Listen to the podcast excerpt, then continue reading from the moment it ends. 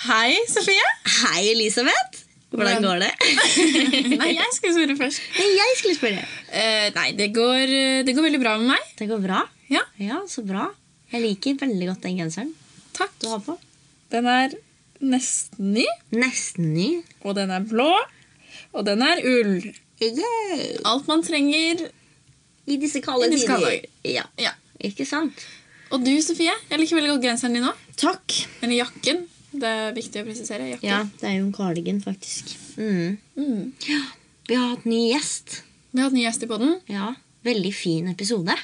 Veldig kul dame. Ja. Fy søren, ass. eh, hun er rå dame. Hun får ting gjort. Ja, herregud. Det skal Altså, ja. Nei, virkelig. Og gjesten vår da i dag er ingen over, ingen, Ingen ved siden av, ingen under. Og det er Janne Heltberg. Ta en titt. Ikke ta en titt. Ta en litt. Ta litt! Ta litt på det vi snakket med henne om i dag. Ja.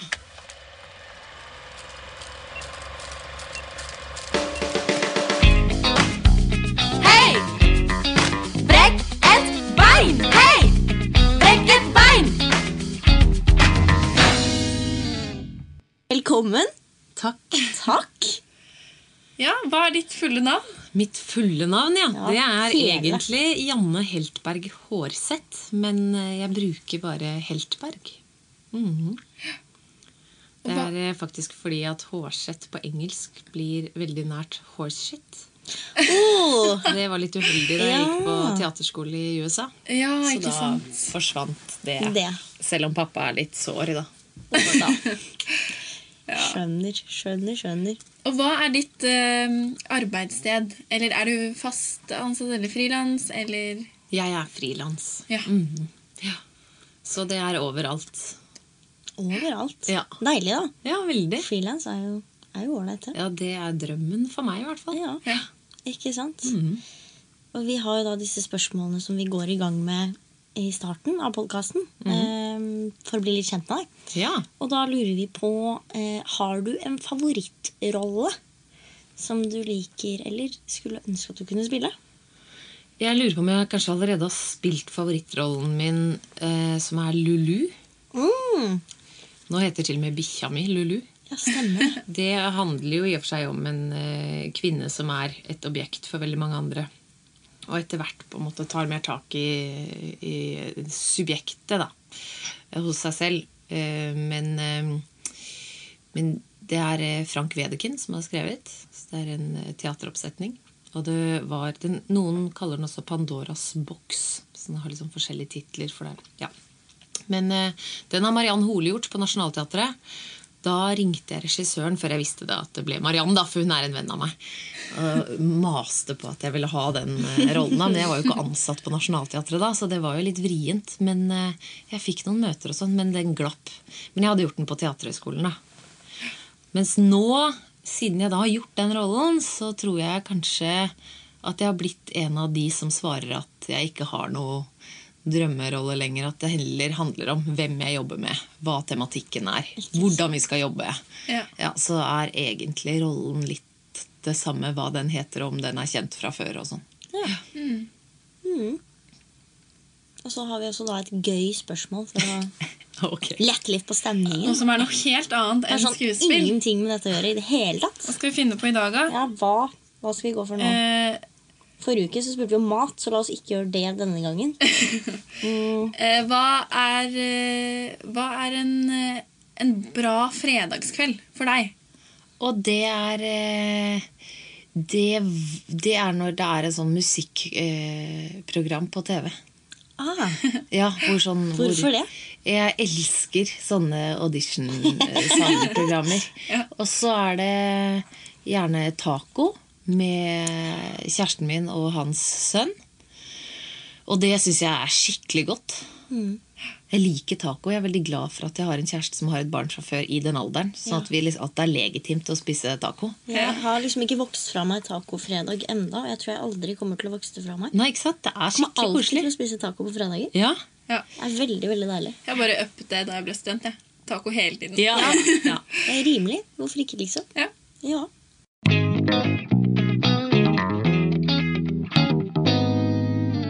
Du har gjort mye forskjellig og vært på mange teatre. Mhm. Og også jobbet med film og TV. Mhm. Så vi lurer på litt eh, Hva er veien din fra da du begynte å tenke 'nå skal jeg bli skuespiller', til der du er i dag? Ja. Eh, Det startet vel med at jeg var et ganske sånn utadvendt barn og likte å, å gjøre teaterlignende ting. Stelle meg opp på bordet og holde taler og liksom bli sett på da, og få oppmerksomhet. Og, og så var jeg på noen auditioner og sånn da jeg var liten. Eh, NRK kom til klassen, og da ble jeg plukket ut til å være med i Midt i smørøyet, som det het da. Stemmer. Så der var jeg i mange år. For det gikk over til at fra Midt i smørøyet så begynte de å lage serier. Noe som het Asylet. Så var jeg med i Asylet, og så var man med i U, som var et ungdomsprogram. Og så gikk man liksom litt sånn eh, Ikke gradene akkurat, men var innom forskjellige avdelinger i NRK, da. Du starta som barneskuespiller, du da? Ja. Egentlig? Ja. Og så på teatret så var jeg da på Bryggeteatret. Heter det som er Er det Imax det heter nå? Den nede på Aker Brygge? Eller finnes det fortsatt? Det har ikke jeg peiling på. Jeg aner ikke. Det gamle eh, Felix kino, det var Bryggeteatret. Ja. Og der gikk jo Annie og disse store liksom, Det kom to danske regissører som satte opp Annie og Sound of Music, Oliver, alle disse store oppsetningene. Og da fikk jeg være med i den ene oppsetningen som ikke var så stor, som var gummitasjon Og da gjorde de sånn storsatsing, husker jeg. Så da var det tre produksjoner samtidig, og det gikk ikke så bra. Så jeg fikk bare spilt fire forestillinger sånn før hele greia konka. da. Så det var veldig skuffende. Men jeg fikk vært med i den der prøveperioden, og vi hadde nødt sannhet eller konka i pausen, og det var bare helt fantastisk. Og så begynte jeg på dramalinje på Nissen. Eh, Hartvig Nissen videregående. Og etter det så var jeg egentlig litt sånn ferdig. Fordi da hadde jeg spilt i film, jeg hadde gjort TV-serier, jeg hadde vært på teater, og jeg hadde gått dramalinje og hadde fått litt nok. Fordi jeg kanskje følte at jeg ikke ble helt utfordret nok på Nissen. da. At Ja. det var et eller annet som skjedde der. jeg vet ikke. Selv om jeg koste meg veldig. altså. Så da hadde jeg en pause og var en sånn barkjerring. Og serverte og lagde drinker og bare lurte på hva jeg skulle gjøre. Det er gøy. Ja.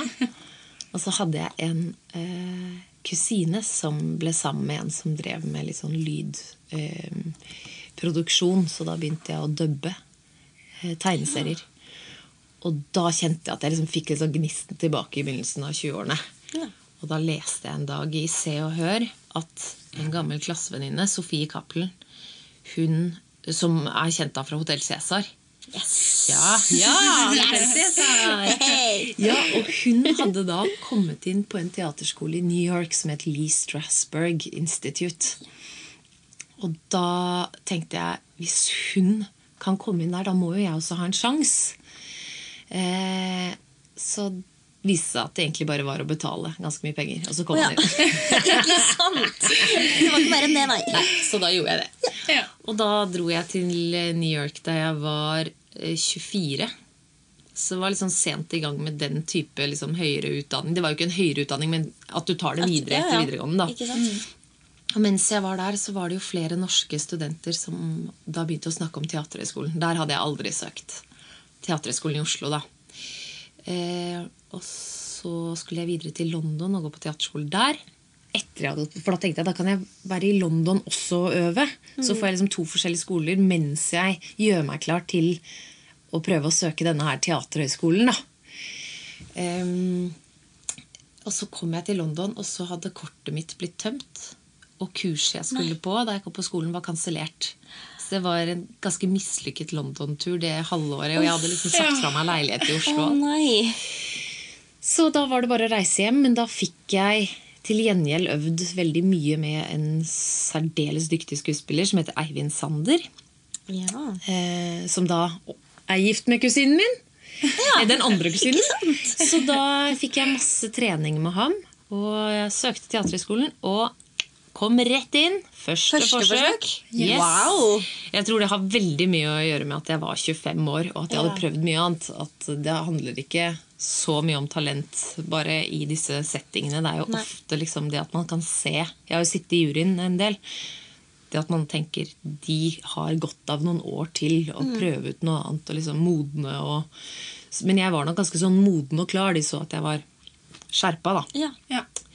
Så fordi at jeg var ikke ferdig utviklet da, for å si det sånn. Eh, Så da begynte jeg på Teaterhøgskolen, altså det som heter KIO nå, da. Eh, yes.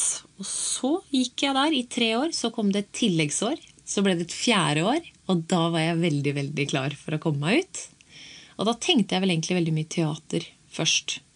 Så jeg tok kontakt med én teatersjef, og det var Christian Seltun på Trøndelag Teater. For det var bare dit jeg ville. Så sa jeg det, og så hadde vi et møte. Og så var det lov å få jobb etter 1. januar. Eller sånn fra 1. januar. Det er ikke lov å få jobb før det. Det er jo alltid noen som man liksom, man hører blir ringt litt før det. og headhuntet sånn. Men da husker jeg åtte minutter over midnatt 1. januar så ringte han på nyttårsaften og sa du har jobb på Trøndelag Teater. Og da var jeg bare helt jeg Så deilig. Ja. så da begynte på en måte teater... eh, da. Da var jeg profesjonell. Så var jeg der i halvannet år og kjente vel egentlig på at jeg syntes at det meste utenom prøvetiden og forestillingene var enda mer gøy enn selve prøvetiden og forestillingene. Det er jo litt rart. Ja. Merkelig. Det var veldig rart. Fordi da koste jeg meg med liksom noen kollegaer. Vi drev og lagde sånn åpen scene utenom liksom prøvetiden, hvor folk kunne lage eget, komme med liksom forslag om hva vi skulle gjøre. Vi hadde sånn postkasse i kantinen hvor folk kunne slenge inn hva de ville ha til neste sånn åpen scenekveld. Og, Kult. Eh, og jeg begynte å dubbe og voice og tok kontakt med sånn filmskoler som har studenter som vil lage studentfilm. Så jeg likte hele det der opplegget med å være mange steder og ha masse baller i luften. Og ikke bare den frem og tilbake til samme sted. Så der ble det nok veldig tydelig for meg at jeg ikke var en sånn typisk eh, den, den som jobber dobbelt på teatret. da. Ja. Ære være dem. Fordi det er en ganske heftig, heftig jobb. Eh, Så da, etter halvannet år, så bestemte jeg meg for å slutte der og dra til Oslo. Og hadde ingen jobb. Eh, Jeg hadde en teatergruppe i Oslo som var folk fra klassen min fra Teaterhøgskolen som jeg hadde dannet og het Asklepios hane. Dette har jeg hørt om før, Ja. tror jeg. Vi hadde nok lyst til å høres litt intellektuelle ut. Så da hadde jeg allerede gjort én oppsetning med dem en sommer jeg hadde fri fra teatret. Og så fikk jeg en spillefilm som også var i Oslo, så jeg måtte dra ned og gjøre den. Så det var jo flere ting som begynte å trekke meg nedover til Oslo. Jeg så at det var flere muligheter der, selv om jeg ikke hadde noe jobb da jeg sa opp, da. Så da begynte jeg å jobbe på Teaterhøgskolen. Så satt jeg med en maskin og var sånn kontorrotte på Teaterhøgskolen. eh, Og jobbet for den gamle studielederen min med sånne småoppgaver. Ja. Og så begynte jeg å undervise der. Og så kom det, liksom. For jeg har jo voicet i mange år på forskjellige voicebyråer. Så begynte noen små oppdrag der, og så sa man fra til alle casterne at 'hei, jeg er i byen igjen'. Så begynte man å bli liksom hentet inn på prøvefilminger. Og så begynte det bare å rulle egentlig i Oslo, da. Hvor jeg hadde egne mye egne prosjekter som jeg satte i gang, samtidig som jeg var innom og gjorde større TV-produksjoner eller noe film. eh, Og har gjort teaterroller senere òg, da. Mm, men ikke den faste kontrakten, liksom. Ikke sant. Mm. Ja. Det var Du har gjort mye. Ja. Ja, det var i hvert fall starten, da. veldig, veldig kult at du Kult, veldig interessant at du startet som barneskuespiller, og så gjorde du liksom alle de tingene der og skole, og så kjente du at Finne på noe annet. Ja. Og så gjør man gjør litt. man på det jussen litt. da. Ja, ikke sant? Ja, ikke Ja, da tok opp kjemi og matematikk på Bjørknes. Tok spansk på Bjørknes. Det var jo sånn fag man ikke fikk da man gikk på dramalinje, fordi man bare måtte ha det absolutt nødvendige, liksom. Ja. Uh, ja. Så det var, jeg prøvde virkelig hardt å gjøre andre ting. Og så ble, ble jeg trukket tilbake til det som kanskje var kallet, som man bare hadde fått litt nok av en periode. da. Ja. Men det kan være fint for andre å høre at det Du har ikke dårlig tid, liksom. Nei. Ja. Man har virkelig ikke dårlig tid. Nei, det er et veldig godt poeng. Vi var jo på den, eh, i den klassen min på Teaterhøgskolen, på- er KIO, så var vi eh, tre stykker som var 25 og 26. Da vi kom inn, så var det en som var 27. Ja. 26-27, og en som var 24. Altså Vi var ganske sånn Vi var en del eldre i klassen. Og det merket vi at vi som var Altså, vi, vi var så målrettet. Nesten litt for målrettet, kanskje, da. Men man, vi hadde prøvd så mye annet.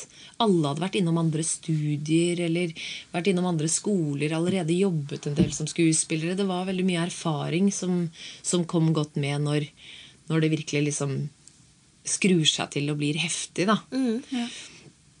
Så ja, det tror jeg Det pleier jeg egentlig alltid å si til de jeg leser med også, på, til teaterhøyskoler og sånn, at slapp av hvis de er liksom 19 og 20. Det er, at jeg tenker nesten at det til og med er for tidlig. Mm.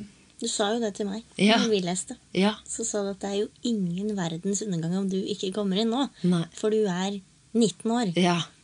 Så det er jo bare tøys.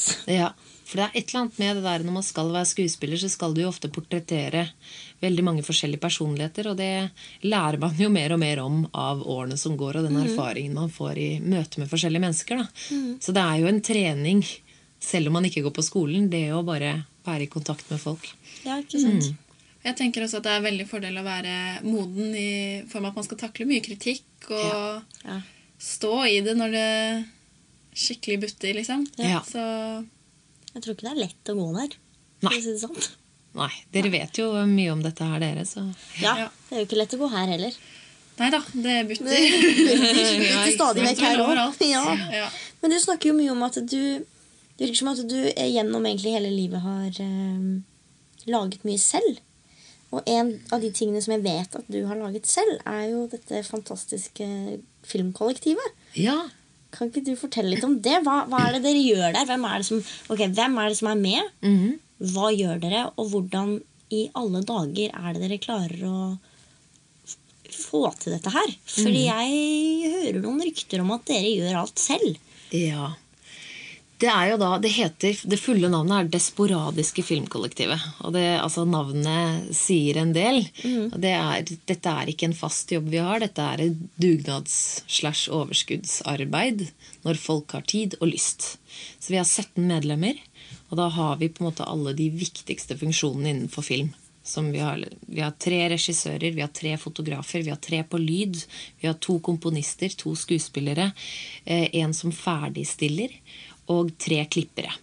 Ja. Så da har vi på en måte det vi trenger for å gjøre en enkel produksjon.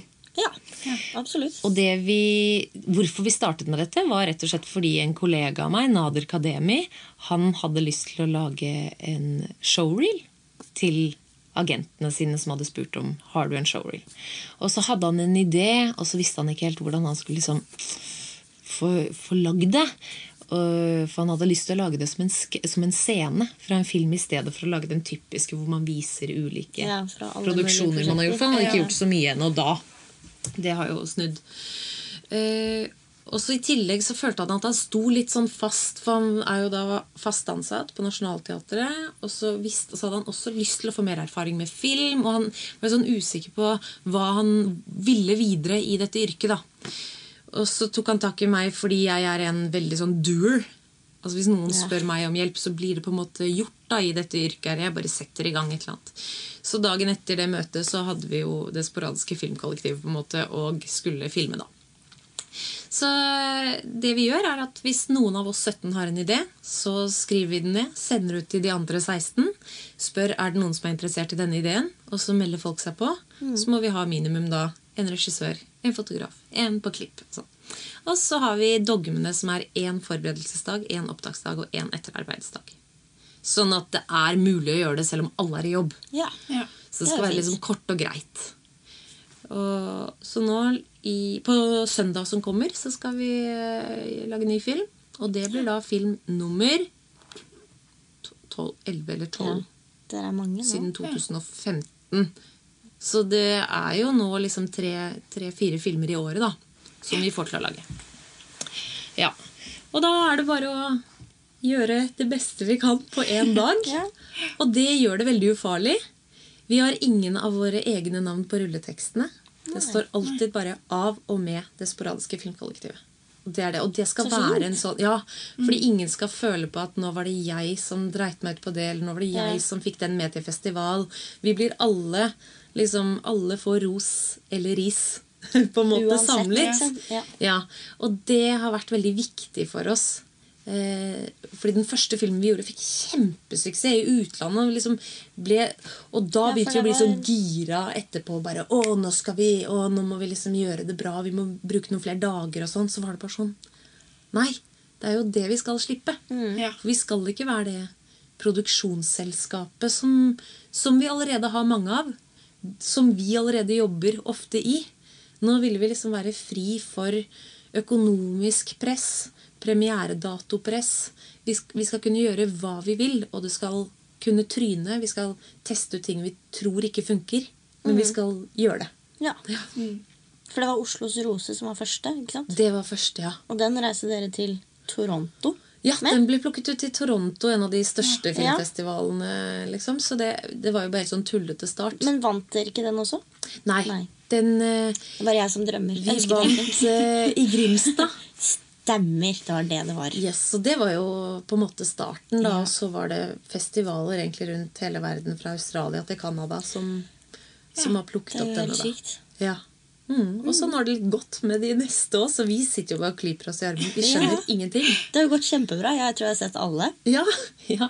Ja. Det er jo noen av de som vi ikke har sendt noe sted, fordi vi har sett at den her kan vi bare legge ut på nettsiden, for dette, dette funket ikke. Men det må vises. Ja. Vi er veldig opptatt av at det som ikke ble vellykket, skal også vises. Ja, ikke sant. At det er litt av, eh, av Det skal være litt av sjarmen, og det skal være litt av greia at vi skal tørre å stå for, for alle produksjonene. da. Mm. Det må være deilig, for vi får alltid høre i timene sånn Ja, nå er dere studenter. Det er nå dere kan feile, prøve å feile og ta sjanser. Og, og da tenker jeg alltid sånn Herregud, hvordan blir det når jeg er ferdig? Er det sånn Får du aldri lov til å gjøre feil igjen? Noen gang? Så det er fint å høre. Ja. Fint å høre Og man kan få lov til å prøve seg fram litt Ja. og Ja. finne sin vei. Ja. Og det tror jeg kanskje også blir litt av sjarmen når folk ser gjennom disse filmene når du søker deg inn på forskjellige festivaler. Så tror jeg det er noe av energien i de filmene vi lager. For de er jo veldig langt fra perfekte. Veldig langt fra Hvis alle som jobbet på disse filmene, hadde latt det materialet ligge litt og tatt det frem igjen, så ville alle gjort det annerledes. Men det er noe med den første impulsen som er noe veldig ærlig. Som ikke er perfekt, men det er ærlig. Ja. Eh, det tror jeg vi tjener på. Uten at jeg skal analysere det noe mer, for jeg har ikke lyst til helt å finne svaret. Nei. Men jeg tror det er noe der. ja. Ja. Ja. Veldig, veldig kult at det har gått så bra med det. Ja, Og vi gleder oss til å se neste film. den er, altså, Det er faktisk en som akkurat er ferdig nå, men den er så dårlig at det hjelpes. Men vi skal eh, Og det, er, det legger jeg på meg. Fordi det er, eh, jeg prøvde å regissere og skrive noe. Men, det, men den må bare ut. Men eh, det, Nei da, den er ikke Jo da, den er ganske ille. Men, eh, men den kommer, den òg. Ja. Ja. Jeg liker veldig godt 'Møtes i døra' og 'Kvist'. Kvist syns jeg er hysterisk morsom. Ja. Den er veldig fin. ja, den er en søt liten sak. Det er bare å gå inn på nettsiden vår, så ser dere filmene. Og hva den nettsiden er, hva da? Spor det sporadiske filmkollektivet.no. Ikke sant? Da kan alle sammen gå inn der og Ja. sjekke ut filmene, for det Yes. er de verdt. Ja.